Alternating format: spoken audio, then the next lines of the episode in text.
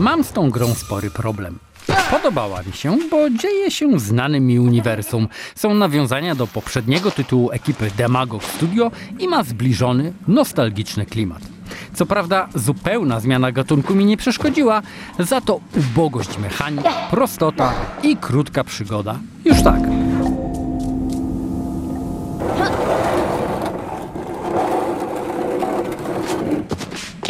Wspomniany poprzedni tytuł z ich portfolio to recenzowany przeze mnie w 2021 roku Golf Club Wasteland, przemianowany po premierze, nie wiedzieć czemu, na Golf Club Nostalgia.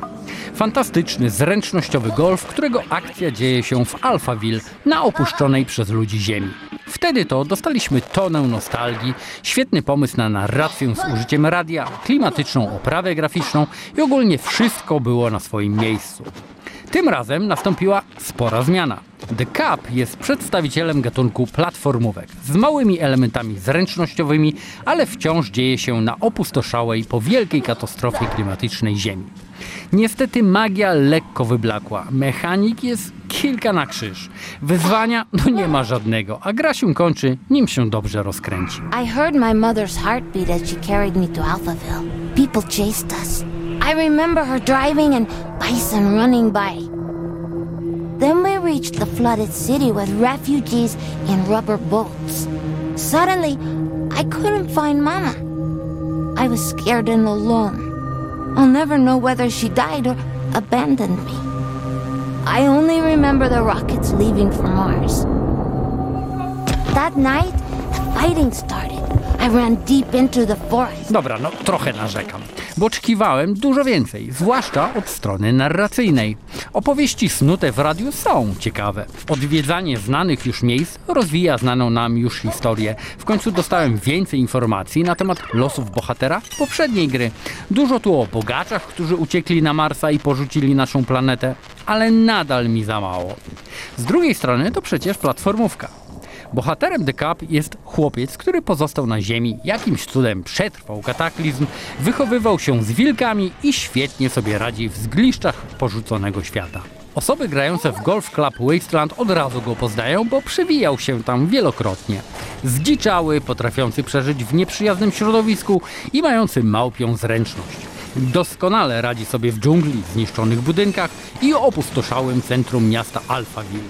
Akcja ukazana jest w 2D i właśnie ta akcja jest też problemem. Chłopak biega, skacze, wspina się, robi wślizgi i w sumie to chyba wszystko. Mechaniki są proste i jest ich mało. Jest też bardzo łatwo i krótko. Są etapy nieśpieszne, szybsze, wymagające zręczności i refleksu, ale nie jest to wielkie wyzwanie. Pojawiają się banalnie proste zagadki, jest też pseudowalka, sporo uciekania przed powracającymi na ziemię ludźmi i koniec.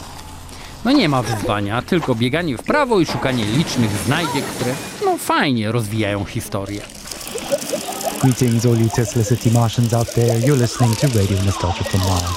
The show for those who miss a morning run in the park, slurping minestrone soup, sailing with the wind in their hair, singing in unison with thousands of people at a music concert.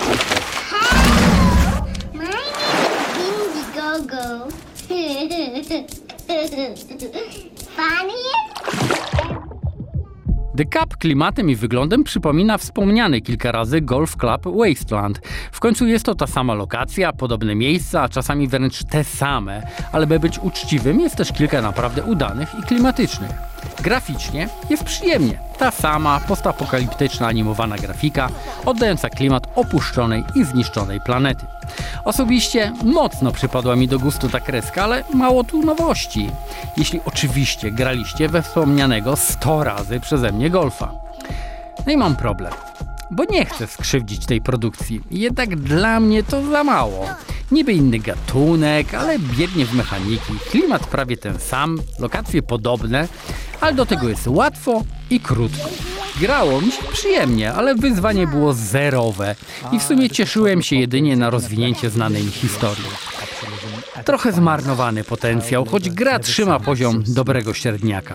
Dla mnie to jednak za mało. Ocena 6 na 10. With the show.